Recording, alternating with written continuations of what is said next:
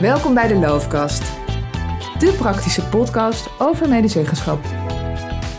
De komende 10 minuten nemen we je mee in een actueel onderwerp voor ondernemingsraden. Praktische tips en voorbeelden waar je gelijk wat aan hebt. Welkom bij de allereerste podcast van Loof, de zogenaamde Loofkast. De podcast over, uh, over medezeggenschap. Mijn naam is uh, Erik Riet en naast mij zit uh, Mark Zwijnenburg. We hebben er zin in. Misschien goed om even in het begin toe te lichten. Wat is de bedoeling van, uh, van deze podcast? we gaan je meenemen in, per aflevering in één praktisch onderwerp. Een minuut of tien ongeveer, zodat je eigenlijk in, hopelijk in een soort van sneltreinvaart op de hoogte bent van dat ene onderwerp. En um, nou, om meteen maar te starten, het thema van vandaag. Ja, dat is de rol van de OR bij de aanstelling van een nieuwe bestuurder. Yes. Dat komt hopelijk niet elk jaar voor, maar het is toch goed om te weten wat er op je afkomt als dat het geval is. Ja, dus wat moet je doen op het moment dat dat uh, aan de orde is? Daar gaan we je in meenemen en we gaan uh, ook nog even contact leggen met uh, onze huisadvocaat. Dirk Domela Nieuwenhuis van Bos Advocaten zullen we ja, de vraag gaan stellen: wat gebeurt er nou eigenlijk als er geen advies wordt gevraagd aan de OR? De lastige gevallen. De lastige gevallen leggen we mooi voor aan, aan Dirk. Laten wij eerst gewoon netjes bij het begin beginnen. Ehm, de aanstelling van een nieuwe bestuurder.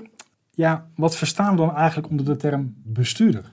Ja, dan, dan is het goed om voor ogen te houden dat het echt gaat om degene, hij, zij, die echt in de onderneming rechtstreeks de hoogste zeggenschap uitoefent bij de leiding van de arbeid. Hè. Een prachtige definitie zoals dat in de WOR artikel 1 uh, is gegeven. En dat betekent dus dat we het hier echt hebben over degene die de uh, scepter zwaait, de CEO, de verantwoordelijke bestuurder. En dat is even goed om uit elkaar te houden, want soms heb je als OR een gesprekspartner die niet de eindverantwoordelijk is, maar een gedelegeerd bestuurder, de HR-directeur of zo. Daar hebben we het dus niet over. Het adviesrecht gaat echt over de hoogste vrouw of man. Ja, binnen de organisatie. Ja, welk recht heeft de OR dan als het gaat om de aanstelling van zo'n persoon of het ontslag? Hè? Kan natuurlijk Ja. ook. Het is in principe adviesrecht. Hè. Het staat in artikel 30 eh, apart benoemd. Dat betekent dat de OR in de gelegenheid moet, moet worden gesteld om advies uit te brengen over een voorgenomen besluit tot benoeming van de bestuurder. En precies zoals je zegt, dat vergeten we vaak, ook het ontslag van de bestuurder. Dus niet de bestuurder die terugtreedt na zijn periode, maar als er tussentijds sprake is van ontslag, dan geldt ook adviesrecht. Hey, en ehm, tijdstippen, Ehm, want wanneer moet dat advies dan gevraagd Ja, worden? net zoals eh, bij het adviesrecht in het algemeen, hè, bij grote organisatorische wijzigingen. Het moet tijdig zijn, dus, hè, zodat je echt, eh, het advies moet van wezenlijke invloed kunnen zijn op het te nemen besluit. Ja. En dat betekent dat je als OR de beweegredenen ook moet horen. Je moet de informatie krijgen waar, waar, op basis waarvan je een oordeel kan vormen. Wat dat betreft lijkt het gewoon op het adviesrecht over reorganisaties, verhuizingen, et cetera. Ik ben alleen wel benieuwd in, in dit geval, hè, stel dat we even het hebben over de aanstelling van een nieuwe bestuurder. Ehm, Oké, je moet informatie krijgen waardoor je een beeld kan vormen. Eh, ja, wat, wat zijn dat? CV's? Eh, wat moet ik me daarbij voorstellen? Oh, dat ziet er in de praktijk heel verschillend uit. Hè? Dus vaak wordt er wel natuurlijk bij de benoeming van een CEO of een directeur, of bij het zoeken daarvan een profiel opgesteld. En we zien heel vaak dat, dat op dat moment al de OR wordt meegenomen in het bepalen van het juiste profiel. Soms ook niet. En dan eh, gaat het alleen maar om meekijken naar de kandidaten. Allerlei varianten zitten daartussen. We hebben natuurlijk gezien hè, dat het formele recht wat de OR heeft, dat, gaat, dat, dat is van toepassing als het gaat om een nieuwe bestuurder. Eh, je ziet ook in de praktijk dat dat adviesrecht nog is uitgebreid. Hè? Dat het niet gaat alleen om de bestuurder, maar ook dat eh, de OR advies kan geven bij andere managementposities. Nu, We zijn het bij, bij een, eh, een luchtvaartmaatschappij, we zullen geen namen noemen, tegenkomen, maar ook bij grote gemeentes. Dan geldt het eh, bijvoorbeeld voor alle, alle benoemingen op eh, directieniveau. Maar dat moet dan wel apart schriftelijk worden vastgelegd. Ja, dus dat is echt een uitbreiding van de bevoegdheden van de OR die je dan met elkaar Ja, hebt, hebt ja. afgesproken. Ja.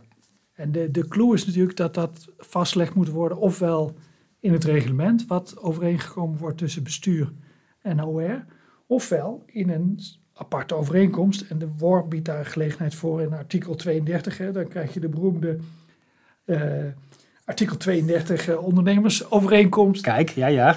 Ja, daar kan, kun je dat soort dingen in vastleggen. En je ziet ook wel eens hè, dat daar bijvoorbeeld uitbreiding op het instemmingsrecht eh, Dat, is iets, dat zie je ook vaak in Ja. zo'n constructie. Ja. Oké, dus wat hebben we? We mogen dus als OR zijnde advies uitbrengen als er een nieuwe bestuurder gaat worden aangesteld. Maar ja, op basis waarvan ga je dan advies uitbrengen? Dus hoe, hoe vorm je dan je oordeel? Hoe, hoe, hoe zou je dat nou doen in de praktijk? Wat, wat zou de- daar je, je advies in zijn? Eigenlijk is, is natuurlijk de rol van de OR niet zozeer om te kijken of iemand de juiste diploma's heeft. Hè. De- als het goed is, is, is daar al een voorselectie eh, eh, gemaakt. Dus Maar een OR is niet echt een sollicitatiegesprek? Nee, dat zou niet mijn advies zijn om het zo te beschouwen. Maar eh, wel om te kijken of de inschatting die is gemaakt, eh, of de, de, de persoon goed past bij de organisatie. Dat, dat is typisch natuurlijk wel iets waar je als eh, eh, ondernemersraad eh, goed, goed op kunt letten. En ook letten of de kandidaat werkelijk past bij het profiel zoals dat geformuleerd is.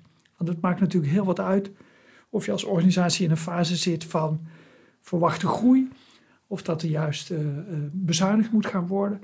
Past de kandidaat daar, daarbij? Ja. Dus is er een match zeg maar, met de organisatie, met wat er speelt in de organisatie en de, ja, de, de grote taak, noem ik het maar eventjes, die, die ervoor ligt. Daar wil je eigenlijk op checken of daar de Ja. kandidaat Ja. eh, bij past. En de vorm waarin, hè, daar zie je eigenlijk he- hele verschillende keuzes gemaakt worden. Dus bij veel overheidsorganisaties zie ik dat eh, de OR gevraagd wordt om in de sollicitatiecommissie te participeren. Dus dan vaardigt de OR iemand af die meedoet in de gesprekken al. Dus dan ben je erg betrokken. dan ben je erg betrokken. Betekent ook dat, dat je in een informeel proces eigenlijk wordt, eh, wordt getrokken. Hè? Dus dan is het formele adviesmoment is eigenlijk al opgedeeld in allerlei kleine tussenstapjes. Andere uitersten zien we ook dat, Ja, wat bedoel, wacht even, wat bedoel je daar dan precies mee? ja, als je natuurlijk al meepraat in de beoordeling van de kandidaten, ja, dan, dan committeer je natuurlijk ook aan wat je in die gesprekken hebt gezegd. Ja, dan kun je achteraf niet nog een keer aankomen met een negatief advies bijvoorbeeld. Nee. Nee, nee precies. Nee. Nee, dus dat is eigenlijk de, de intensieve variant, zeg maar. Hè? Dus dat Ja. je in de, bij de gesprekken aanwezig bent. Eh, we hebben natuurlijk ook een variant aan de andere eind van het, eh, van het spectrum. dat zie je ook veel natuurlijk, dat, dat de, de gesprekken bijvoorbeeld heel vertrouwelijk zijn, omdat de reputatie van kandidaten in het ge- geding is. Eh, Die willen niet met hun profiel op straat liggen als ze het niet worden. En dan is er al een, een voorselectie gemaakt. En dan heeft eh, de OR bijvoorbeeld met twee overgebleven kandidaten een gesprek, of soms zelfs maar met één. Ja, en ik kan me voorstellen, als je dus in die variant zit, dus dat je eigenlijk pas aan het eind van de rit eh, betrokken bent, dat het dan juist wel, als het lukt, fijn is dat je hebt kunnen meedenken over het profiel.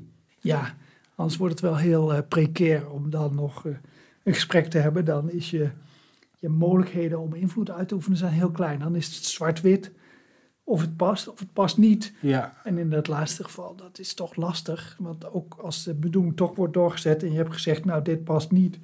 Je zit toch binnen vier weken weer met elkaar om tafel eh, als OR en nieuwe bestuurder dan. ja.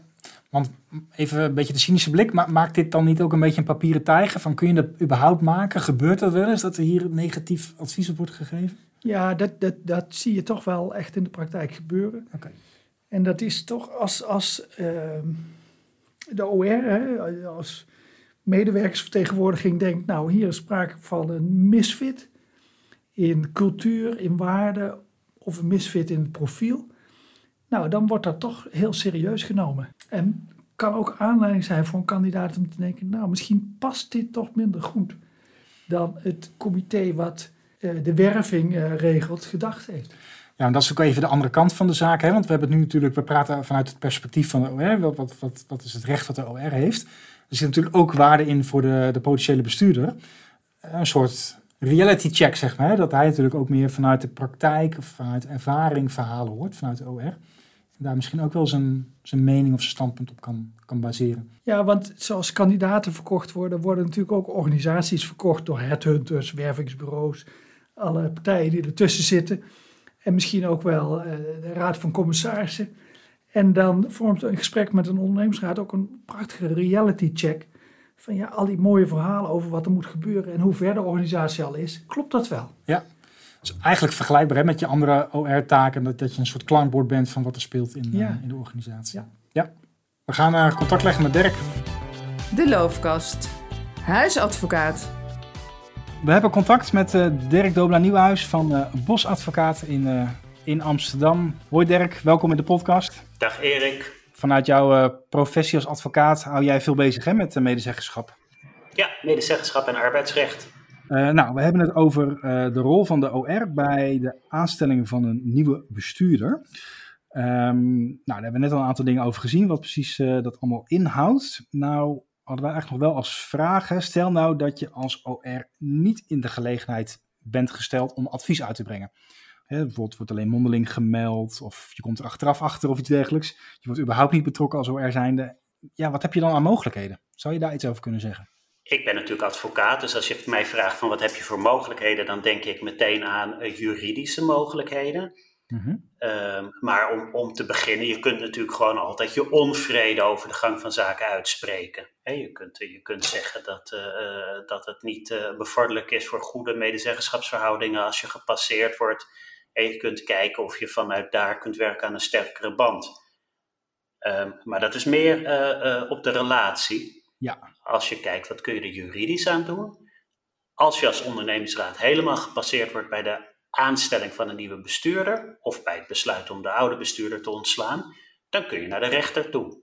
En dan kun je aan de rechter vragen om uh, dat besluit uh, ongedaan te maken en uh, alsnog dat medezeggenschapsproces vorm te geven. Dan moet je wel snel zijn natuurlijk, want het is niet een, niet een procedure die je nog wil voeren als die nieuwe bestuurder er al een half jaar zit. Als je te horen krijgt en je wil er tegen optreden, dan kun je uh, als ondernemingsraad heel goed een kort geding starten. En uiteindelijk, stel dat je dat wint al zo er zijn, dan betekent dat dat je alsnog in de gelegenheid wordt gesteld om advies uit te brengen. Precies, ja. ja, ja, ja. De verhoudingen zijn dan tegen die tijd natuurlijk wel redelijk uh, bekoeld waarschijnlijk. Uh, ja, je kunt je ook voorstellen dat die verhoudingen al bekoeld waren. Want als dat anders was, was je misschien wel gewoon om advies gevraagd. Want ja. zo hoort het uiteindelijk. Dan nog even een, een, andere situatie. Stel nou, um, de bestuurder wordt aangesteld eigenlijk vanuit het buitenland. Hè? Dus we, bijvoorbeeld een holding die ergens in, uh, nou, noem het, in Amerika zit. En vanuit Amerika wordt er een nieuwe country manager Nederland aangesteld. Ja.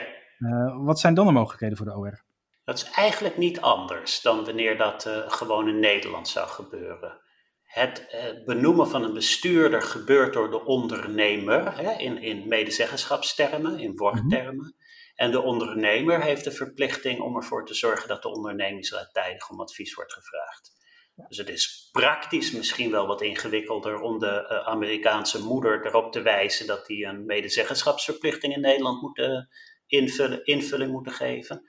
Maar formeel is het niet anders. Ja, dan heb je eigenlijk dus uh, contact te leggen met, uh, met de buitenlandse moeder. Ja, en uh, is het goed als je dat rap doet. Mooi, Dirk. Ik wil je bedanken voor deze keer, voor je tijd. Graag en, gedaan, Erik. Graag spreken we elkaar binnenkort weer. Precies, heel goed. Mooi. Tijd voor een samenvatting? Ja, ik denk het wel. Het belangrijkste punt als het gaat om het adviesrecht wat de OR heeft als er een voorgenomen besluit ligt tot benoeming slash ontslag van een bestuurder. Ja, in principe gaat het dus alleen om de hoogste bestuurder.